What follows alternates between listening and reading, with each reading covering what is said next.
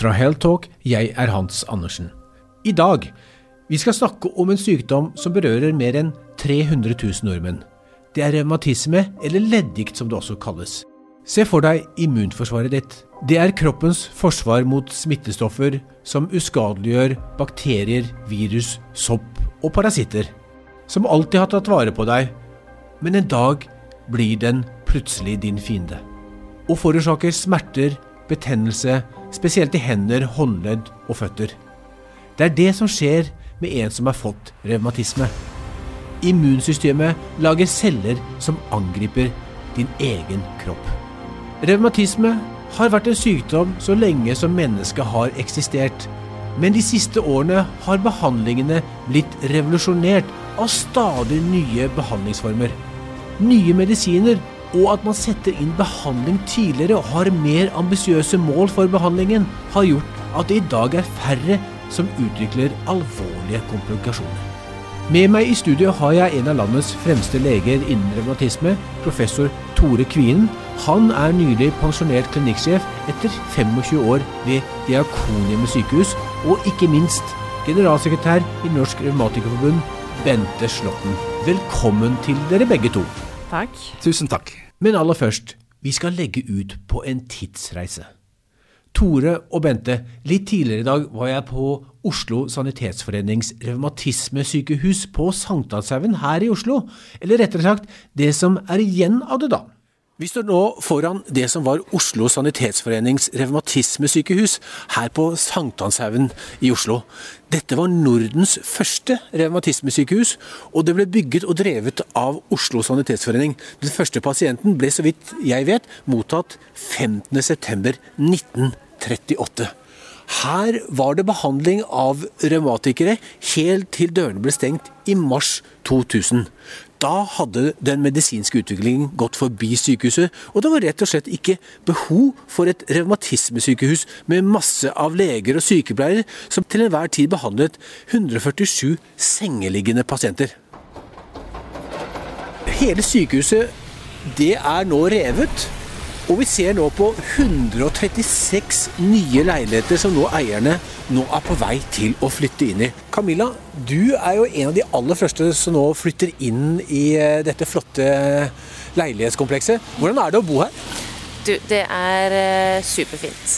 Det er veldig sentralt, og det er alt man trenger i umiddelbar nærhet.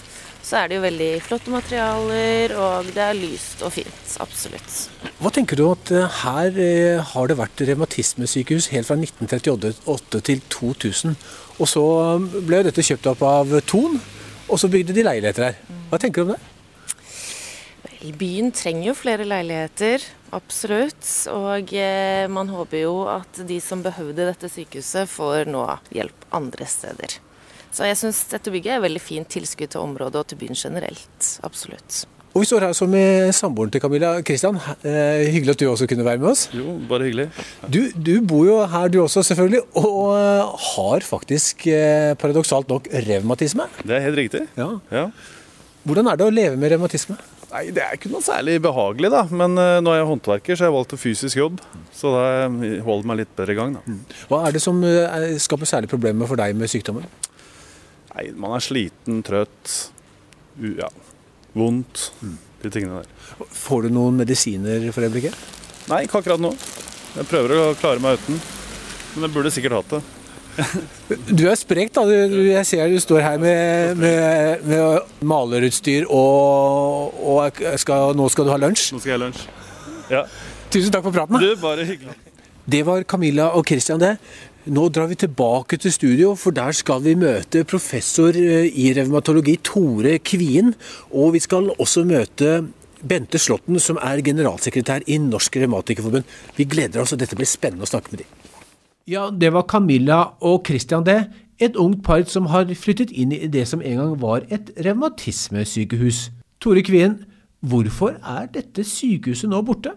Det var et stort revmatismesykehus. Eh, Jeg jobbet der fra 1978. Eh, Da var det 132 senger. Eh, De fleste pasientene var innlagt veldig lenge. Man hadde en liten poliklinikk, men som sagt da en stor sengeavdeling. Og så kom det behov for nye tilbud til mennesker med revmatiske sykdommer. Og det var nok mange av oss som syntes det var fint at da også en revmatologisk avdeling ble integrert i et stort sykehus, som da i det tilfellet ble Rikshospitalet. Ja, og dette har jo sammenheng med bl.a. den medisinsk-teknologiske utviklingen. Det kom nye medisiner som gjorde at man hadde ikke behov for sånne sykehus lenger. Nei, man hadde for så vidt kanskje behov for sykehuset som sådan, men eh, det var behov for kan du si, tettere kontakt mellom eh, revmatologi og mm. andre fagspesialiteter. Mm. Fordi mange mennesker med kompliserte revmatiske sykdommer de har også eh, manifestasjoner fra andre organsystemer mm. enn muskler og ledd. Og, og Bette, på, på, disse sykehusene, det var jo ikke bare dette sykehuset her på Sankthanshaugen, det var et på Sørlandet, og det var flere den, av denne type sykehus. Der lå det revmatikere. De lå eh, lenge. De lå, i ukevis ofte, og de lå eh, under en veldig stor behandling. De ble, ja, du kan si hvis du går enda litt lenger tilbake enn da Tore Kvien ja. begynte som revmatolog, så, så, lå det jo faktisk gipset. Det var liksom den gamle, klassiske medisinen. At uh, hadde du leddgikt eller andre den type inflammatoriske eh, revmatiske sykdommer, så skulle du ligge rolig. Og du skulle ligge lenge. Og du skulle ikke bevege deg. Og derfor så ble du gipset, for da ble det enda vanskeligere å bevege seg. Og i tillegg så brukte man jo tungmetaller som man for så vidt kunne pumpe inn i årene. Så det var jo starten på hele vår organisasjon. Det var jo faktisk at pasientene opplevde selv at dette fungerte egentlig veldig mm. dårlig. Mm. Så de fant ut at akt, fysisk aktivitet var veldig viktig. Og dette er jo lenge før de biologiske medisinene kom. Så i 1961 så var det inneliggende pasienter på Oslo Revmatismesykehus som tok initiativ. De skrev seg ut og startet organisasjonen kjøpte inn busser, folkevognbusser, mm. leide inn fysioterapeuter og reiste land og strand rundt og tilbød fysisk aktivitet og behandling og fysioterapi. For det følte de at hjalp. Og det ser vi jo en dag i dag. At ved siden av medisinsk behandling så mm. hjelper fysisk aktivitet. Og klart at Særlig i perioder hvor sykdommen er inne i roligere perioder, så er det veldig viktig å forebygge. da. Mm. Ikke sant? For sykdommen svinger jo ja, mm. Banebrytende av pasientene. De hadde skoen eh, på og ja. visste hvor det trykte. Ja. Og det er jo en viktig erfaring å ta med seg. Du kan si Brukermedvirkning er jo i dag også veldig viktig. Mm. Både i forskning og i behandling. Mm. Så kan du si brukermedvirkning også i forhold til hva det forskes på, burde vi kanskje være enda flinkere på. Mm. mm. For ofte er det jo sånn at brukerne kommer inn i forskningsprosjekt som er initiert av mm. eh, klinikerne. Um, men, men, brukermedvirkning er veldig viktig, fordi at uh, det er liksom ikke A4 og standard alt. Vi er forskjellige alle, og sykdommen slår ut forskjellig, og uh, effekt er ulikt. Og, så vi, vi, må lytte til brukerne. Så samarbeid er viktig, og det, det, har jeg jo lyst til å si at det samarbeidet vi har med Diakonhjemmet og, mm. og kompetansesenteret på Diakonhjemmet, er jo faktisk helt unikt. Og der syns jeg vi får veldig mye god erfaring og kompetanse over til oss. Og jeg tror dere får veldig mye bra brukermedvirkning der, da, som, som er veldig viktig. Vi har jo et pasientråd mm. på revmatologisk avdeling på Diakonhjemmet sykehus, mm. som er aktive kan du si, medspillere. Så leder av pasientrådet er også ansatt i en 20 %-stilling ja. på avdelingen. Ja. Mm. Litt tilbake til, til, behandlingsutviklingen. altså Som Bente var innom. Eh, du ble pumpet tungmetaller eh, inn, eh, men selvfølgelig før du begynte i din gjerning, Tore. Men, men hva, når du startet sånn på 80-90-tallet, hva var standardbehandlingen for, for denne sykdommen da? Standardbehandlingen var si, enkle betennelsesdempende legemidler og smertestillende legemidler. Mm. Eh, så brukte vi jo sånne ting som gullsprøyter og noen andre såkalte sykdomsmodifiserende legemidler i behandlingen av, av leddgikt. Eh, men vi hadde ikke noen klar strategi for hvordan pasientene skulle behandles. Og så var det jo veldig mye kirurgi. Fordi eh, mennesker med leddgikt f.eks. de fikk jo skader på leddene og trengte ofte å sette inn proteser. Så det var også en av grunnene til at eh, revmatismesykehuset at det ble mindre behov for alle disse sengene, fordi det ble også mindre behov for revmakirurgi. Det har vært en veldig smertefull eh, pasienthistorie for veldig mange? Veldig, og smerter er jo det som preger veldig mange av de revmatiske pasientene. Nå snakker vi mye om leddgikt her, men mm. det er jo mm. mange forskjellige revmatiske diagnoser. Eh, men hvorav dette er en av de store, da. Mm. Og, og, så kom det på 90-tallet så begynte jo øh, det komme noen helt unike medisiner som vi kjenner som øh, under fellesbetegnelsen biologiske legemidler. Ja, ja. Hva, bare aller først til deg, Tore. Hva, hva, kan du beskrive hva er det disse øh, gjør for pasientene? Ja, Hvis vi starter med det som vi kaller for syntetiske sykdomsmodifiserende legemidler, mm. hvorav f.eks. cellegift, metotrexat, mm. det er basisbehandlingen av, av leddgikt. Mm. Og det som vi da, Den strategien som man etter hvert utviklet etter år 2000, var jo at man skulle sette et behandlingsmål som skulle være remisjon eller ikke betennelse. Mm. Um, og så, hvis man da ikke når det målet, så uh, la man til biologiske legemidler. Og dette ble særlig tydelig på si, rundt eh, 2010. Mm. Disse biologiske legemidlene eh, de var ekstremt kostbare da de kom. Eh, det var nok relativt få pasienter som fikk den type behandling i startfasen. I dag bruker man disse mye mer utbredt enn det man gjorde den gangen, fordi eh, kostnadene også er betydelig redusert pga. konkurranse og det anbudssystemet som vi har i mm. Norge. Jeg leste et sted at, at eh, rundt 100 000 kroner per pasient per år kunne fort dette koste. Ja, i sin tid. Ja. Men vi ser jo effekten av det òg nå. For når vi ser på tall f.eks. på leddgikt, så ser vi at mm. mens tidligere så var det kanskje 40% som levde med lav sykdomsaktivitet, så er mm. det nå i løpet av en tiårsperiode oppe i 70 mm. Og Det betyr jo at har du lav sykdomsaktivitet, så kan du være i jobb, du kan studere, du kan delta i samfunnslivet på en måte som enhver annen som ikke har en kronisk sykdom. Hvis jeg bare kan føye til én ja. ting til. I strategien når det gjelder leddgikt f.eks., så det aller viktigste det er å stille tidlig diagnose og komme ja. tidlig i gang med behandling. Mm. Mm. Og der er man nok også blitt flinkere, fordi eh, jeg tror kunnskapen og oppmerksomheten i befolkningen er større. Eh, legene i primærhelsetjenesten er flinkere. Og vi har i realiteten ikke lenger noen ventetid, i hvert fall ikke på revmatologisk avdeling på Diakonhjemmet sykehus. Mm. Og, og, medlemmene dine, Bente, altså, hvis, hva, hva, forteller de om det som har vært av den medisinske utviklingen. Hvordan, hvordan eh, har de det når de kommer på biologiske legemidler og har før gått på det litt dårlig behandling? Nei, det er klart For de som kan bruke biologiske legemidler og ha god effekt av det, så er jo det egentlig en revolusjon. Mm. Fordi at eh, plutselig så får du et liv hvor du kan delta på på lik måte som egentlig de som ikke har kronisk sykdom. Og du får jo et liv som ikke er så fullt av smerter. Mm. For noe av utfordringen er jo for de som ikke kan få eh, biologiske legemidler eller ikke kan få den type behandling, så er jo smerter sterke smerter, veldig uttalt, og da blir det mye symptombehandling. Og du blir mm. gående på smertestillende, sterke smertestillende. Og mange forteller liksom om avhengighet og et dårligere liv som følge av det. Ja, for avhengighet, Så, du sier for, for, Du var inne på symptombehandling. Mm, da, mm. da, får man ganske sterke Hvis man ikke stiller en god diagnose, så, så starter ja. legene, fastlegen med å gi deg smertestillende. Ja, det er lett å behandle symptomene, mm. ikke sant. Hvis du ikke helt vet hva det er, og det er litt sånn uspesifikt og sånn. Og, mm. Og, og som eh, Menon-rapporten, eller Remus-rapporten, som vi skal mm. komme tilbake til, også mm. viser, mm. så sier jo undersøkelser vi har gjort, at over 43% av våre medlemmer sier at de må gå til fastlegen seks eller flere ganger før de blir henvist til riktig spesialist. Mm. Og det er klart at Da kan det gå veldig mange år fra du første gang går til fastlegen din med symptomer og plager. Og de fleste venter jo litt før de går òg, ikke sant. Mm. Men til du da får stilt en diagnose og komme inn i riktig behandlingsforløp. Og som Tore også sier, det er så viktig å få stilt den diagnosen tidlig.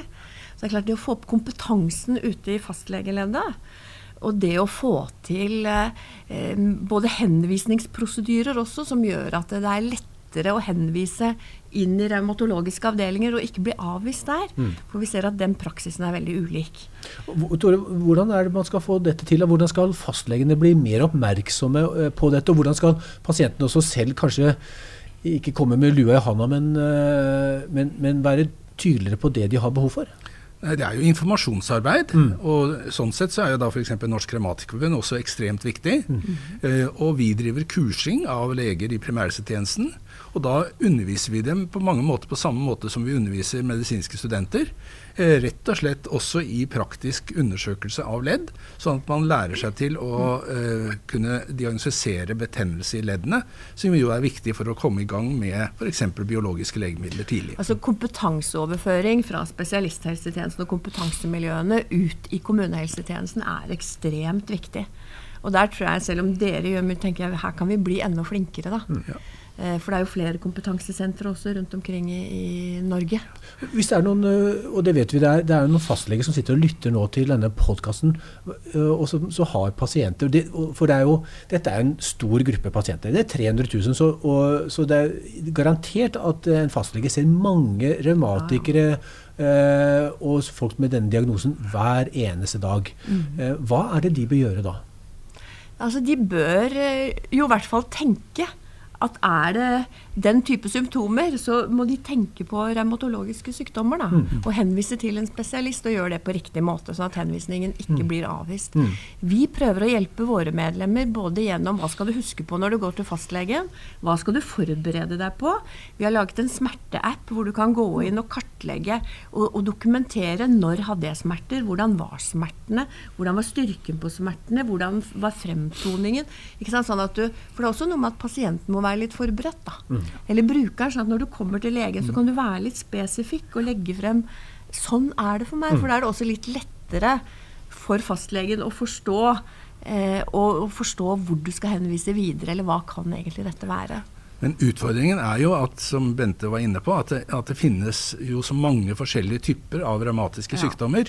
Og hvis vi nå fokuserer på de mm. eh, sykdommene hvor det er betennelse, og hvor da tidlig mm. diagnose og behandling er spesielt viktig, så er det klart at de må differensieres eller skilles fra kan du si, eh, det man ofte kan kalle diffuse smertetilstander mm. i mm.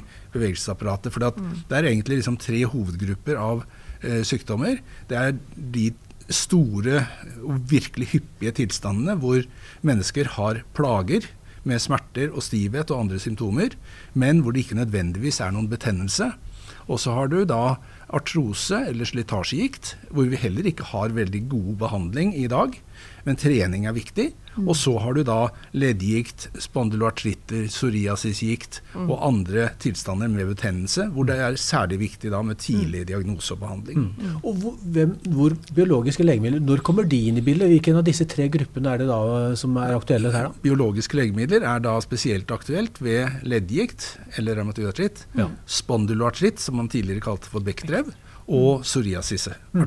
mm. mm. Eller psoriasisgikt. Interessant. Og så har det kommet en ny type legemidler, eh, har vi lest, som heter eh, på godt norsk jakkhemmere. Ja. Eh, hva, hva, er det som, er, som gjør det til en, en bra behandlingsmetode? Først, De biologiske legemidlene de gis jo enten da som infusjon inn i blodåren eller som sprøyter eh, under huden mm. eh, som hjemmebehandling. Eh, jakkhemmerne er tabletter. det er små molekyler og som virker på betennelsesprosessen inne i cellene. Mm. Så det er en litt annen type virkningsmekanisme, litt annen type administrasjonsform. Men de er også mer kostbare enn eh, de rimeligste biologiske legemidlene. I hvert fall til nå. Mm. Så det er en, en, mindre gruppe pasienter som får tilgang til den type uh, sistebehandling, altså jakkhemmere? Ja, det er nok særlig de som da ikke har god nok effekt av biologiske legemidler. Mm. fordi at man har også da et stort spekter av biologiske legemidler, særlig for mennesker med leddgikt. Så det er forskjellige alternativer. Så det er jo det som også er fantastisk i dag. At man ikke mm. bare liksom har eh, cellegift og én type biologiske legemidler, men man har en rekke. Sånn at hvis eh, pasienter ikke har effekt av ett legemiddel, så finnes det alternativer. Men du er jo litt inne på det for formen, altså måten man tar legemidlene på, gjør jo at når det er tablettform, mm, ja. så er det jo enklere å administrere det. da, For da ja. behøver du ikke nødvendigvis inn på en poliklinikk og ta en intravenøs behandling, infusjon, eller til en revmatolog som har en privatpraksis, eller en avtalespesialist et sted. Så det gjør det jo enklere. Mm. Så sånn sett så burde jo tilgangen være men, lettere, da. Og, og, det som kan bli spennende om noen år, når patentet på det første av disse jakkhemmerne går ut, eh, så kan man få eh, identiske molekyler, altså det vi i dag kaller biotilsvarende for biologiske legemidler. De er ikke identiske, men de er biotilsvarende. Mm. Eh, men er vist å være like gode, og de kan bytte fra originalpreparat til biotilsvarende. Men disse jakkhemmerne, der kan man i fremtiden, når patentet er gått ut, eh, produsere identiske legemidler som vil da ha en helt annen pris. Mm. En, en revolusjon innenfor legevitenskapen til stor glede og nytte for pasientene. Og dette er jo en stor pasientgruppe.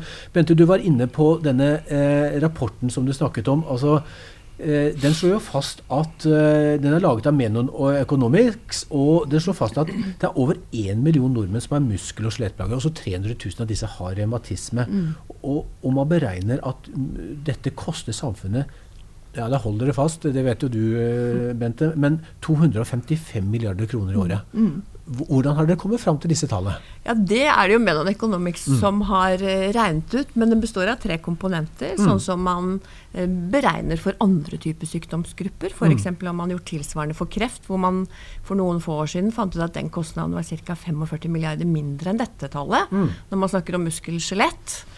Uh, og da er det livskvalitet, nedsatt livskvalitet, slik som man uh, definerer det. Mm. Um, som er den ene komponenten. Det andre er produksjonstap. Og det tredje er hva man bruker til helsetjeneste. Mm. Det er klart 250 milliarder det er et ekstremt høyt tall. Mm. mm. Og det viser jo at dette er den største folkehelseutfordringen vi har i Norge i dag. Ja. Det er den største årsaken til sykefravær. Det er den nest største årsaken til uføretrygd.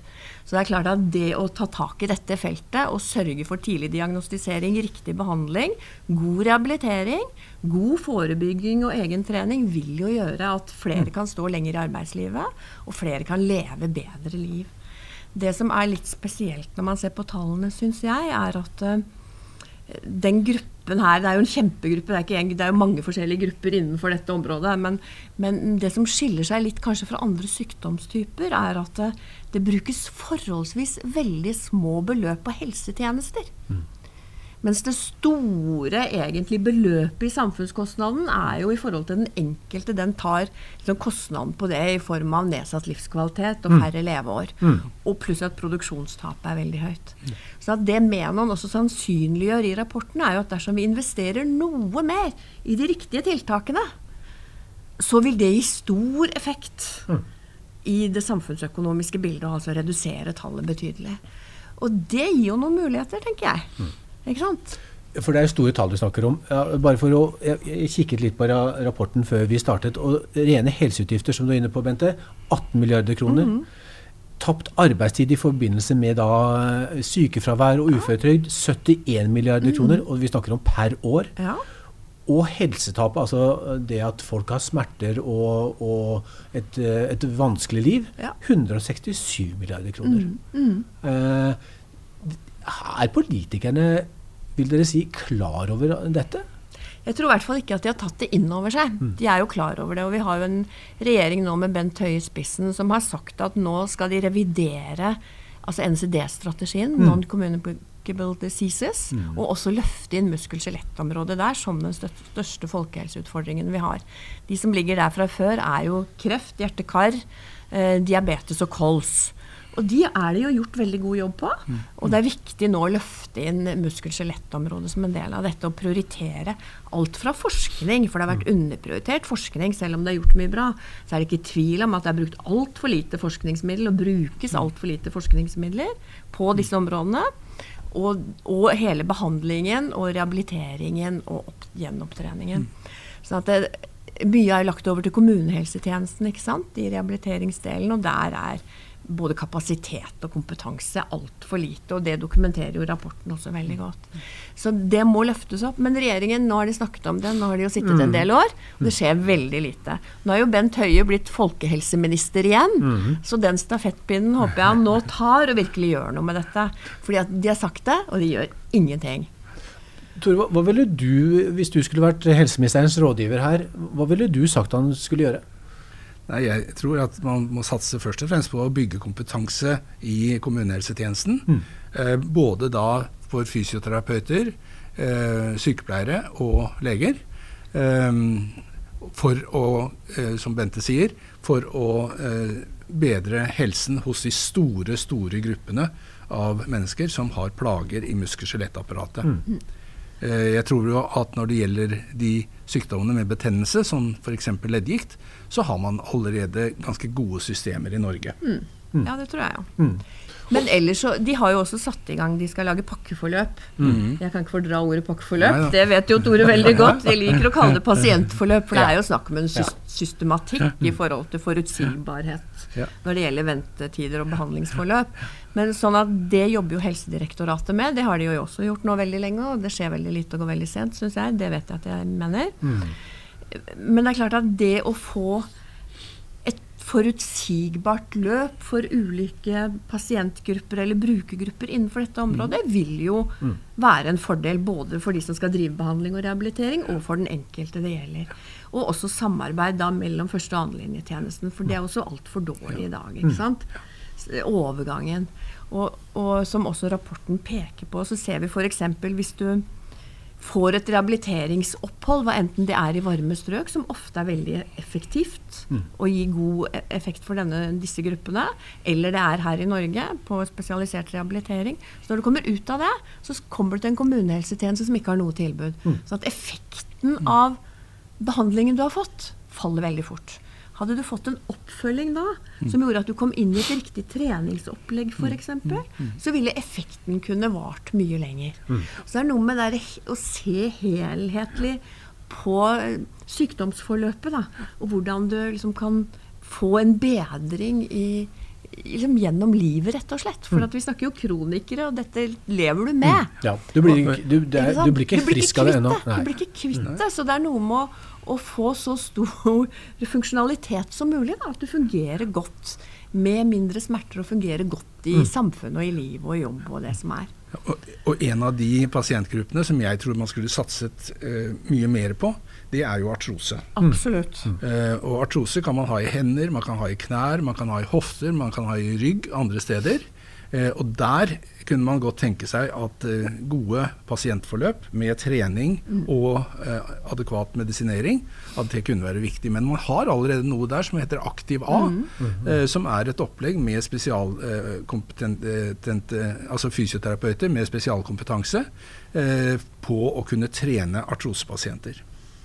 Og Ja. det gjør jo at For det er artrosepasienter som har artrose i knær og hofter. Og det vi ser, og som Helse Sør-Øst bekreftet, i hvert fall da jeg hadde møte med dem, er jo at uh, antall operasjoner på det feltet går jo da betydelig ned. fordi at med riktig trening, med fysioterapeuter som har den spesialkompetansen, så kan du trene opp igjen muskulaturen rundt leddene, sånn at du slipper å operere.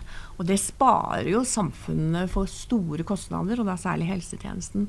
Det vi ser nå, vi er jo veldig tilhengere av det. Det er et kombinert forskningsprosjekt, og nå skal det implementeres, da, det Aktiva. Um, som vi har veldig stor tro på, og som vi følger veldig tett. Men det vi ser, er at når det nå skal implementeres i kommunesektoren, å gå fra forskning og over i ikke sant, settes i verk, så er det en stor utfordring at ingen vil ta den lille kostnaden på en million kroner for å videreføre et kvalitetsregister. Ikke sant? Fordi at her er, dette er det eneste området hvor man har begynt å lage kvalitetsindikatorer. Altså hva er beste praksis på behandling når det gjelder f.eks. kneartrose og hofteartrose. Beste praksis, og man lager kvalitetsregister ut fra det. Men noen må jo eie det registeret og videreføre det. Og når det går fra forskning og over til drift, så går det liksom fra spesialisthelsetjenesten, som har drevet forskningen, over til kommunesektoren, som er et mangehodet troll, og ingen vil eie. Ikke sant? Så da blir det en bitte, bitte lite kostnad som liksom ødelegger litt for framtiden for noe som sånn samfunnsøkonomisk er kjempeviktig og kjemperiktig på alle mulige måter. Hvordan skal vi få noen til å ta denne stafettpinnen da, med dette registeret? Da tror jeg at vi er tilbake liksom på det politiske nivået. At det ville f.eks. være da hvis eh, departementet eh, ga klare føringer på at dette er noe man skal prioritere. Ja, For det kunne de jo bare bestemme, tenker Ja, jeg. Og når det er gjelder en trening, trening versus eh, operasjon ved artrose, så vet jeg at de fleste ortopedene også i dag sier mer trening, mindre kniv. Der var jo dine forgjengere veldig forut for sin tid da, Bente. Ja, det var de. Da er vi tilbake til 61. Altså. Ja. Så, og nettopp så er det denne samhandlingen og samarbeidet Ja. med brukerne igjen som er veldig viktig, for det er noe med hva som hjelper. Og jeg ser vi, vi jobber jo veldig mye med trening og riktig trening. Vi utdanner instruktører. Både som er instruktører i varmtvannsbasseng, Så mange av våre sier at trening i varme Mm. hjelper. Enten det er varmtvannsbasseng, vi har prosjekter nå som også er forskningsprosjekt på hot yoga. Mm. Riktig trening i, i, i hot yoga, altså yoga i varme omgivelser. Eller bare trening i sal, f.eks. Så det, det å følge opp med riktig trening Men så er det jo noe med at disse brukerne, de er noen ganger så må de til fysioterapeut, ikke sant? for de må lære hvordan å trene riktig, eller det har skjedd noe med sykdomsforløpet som gjør at det er litt annerledes. Ikke sant? Du må inn der. Så gjør du det. Og så kan du trene selv. Og så må du ha veiledning på det, kanskje, og så kan du trene helt selv. Og så må du kanskje en periode inn i spesialisthelsetjenesten og justere medisiner. Det er jo en sånn rundgang, ikke sant. Og, og det er jo det som pakkeforløp eller pasientforløp burde ta seg av. At du har en for, forutsigbarhet i hele den rundgangen. Og det med Aktiv A er jo nettopp et eksempel på et sånt pakkeforløp. Så det burde vi bruke som en pilot og si dette er piloten. Den modellen kan vi nå ta i bruk for flere typer diagnoser innenfor muskel-skjelettområdet. Så et godt pasientforløp, det må vi få i Norge. Det må vi få i Norge, og det viser jo eh, resultater fra andre land at det er effektivt. Både for den enkelte, men også i samfunnsøkonomisk perspektiv. Hvis vi ser på medisinen, eh, hvor er det Hvis vi snakker igjennom ti år, håper jeg vi gjør. Eh, hvordan har du, hvilke nye medisiner har kommet da, tror dere? Hvis jeg skal si noe om det, så, så er det Hvis vi da tar si, leddgikt og beslektede sykdommer, så vil det helt sikkert komme noen nye alternativer der. I tillegg til det vi har i dag. Eh, det som er det, det vil- ville være den store, det man kan kalle innovasjonen, det ville være hvis man fikk sykdomsmodifiserende legemidler til bruk ved artrose. Fordi at ved artrose så er det liksom eh, Sykdomsprosessen sitter primært i brusken. Og der har man foreløpig ikke sykdomsmodifiserende legemidler, bare symptomdempende behandling. Så det jeg håper, er at om ti år så har vi sykdomsmodifiserende legemidler ved artrose, og det skjer en del på det området. Det er mye godt arbeid er gjort, og mye godt arbeid gjenstår, med andre ord. Eh, vi har hatt en spennende historisk utvikling. Vi, alt fra revmatismesykehuset som vi var besøkte, til som er nedlagt.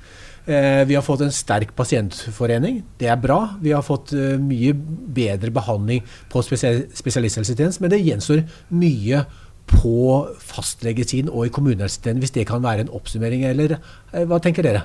Jo, jeg tenker det er helt riktig. Det er først og fremst der vi må satse nå. fordi at mye av rehabiliteringen og habiliteringen ligger i kommunehelsetjenesten. Og vi må ha, som Tore sa også i sted, mer, mer kompetanse og mer kapasitet. Og da må vi jo starte med å erkjenne det behovet. Og jeg tenker det er politisk. Um, og så syns jeg jo vår rapport, eller Menon eh, sin rapport, gir jo ganske mange eksempler på litt sånn quick win her også, som ikke koster så mye. Investere litt i de riktige tiltakene, så vil det gi stor effekt. Sånn som behandlingsreiser til utlandet f.eks. For, eksempel. for mange har god effekt av behandling i varme strøk. Eller det med varmtvannsbasseng i kommunene, hvor, hvor de sier at det 22 aktive brukere, så er det lønnsomt for kommunene å investere i varmtvannsbasseng. Fordi trening i varmtvannsbasseng oppleves av mange som mindre belastende for leddene. Så, så det er noen sånne quick wins også. Og så må vi begynne å samarbeide og samhandle. Det er vi altfor dårlige til i dette vesenet vårt, som både Tore og jeg er en del av. Hvor- Hvordan skal vi få til, du, du kjenner jo dette helsevesenet fra innsiden, eh, Tore. Hva, Hvordan skal vi få til eh, den samhandling som Bente her etterspør? Um, det er ikke så lett å svare, Nei, svare 1000 kroner ditt nå! Nei, det, er jo, det er jo kan du si, kommunikasjon Mm. som er nøkkelordet. At eh, leger i kommunehelsetjenesten og i spesialisthelsetjenesten må eh, snakke med hverandre. Og så er det det å, huske på at dette ikke bare er leger vi snakker om her, men at andre faggrupper Mm. eh, som kanskje i for mange av disse pasientene er vel så viktige.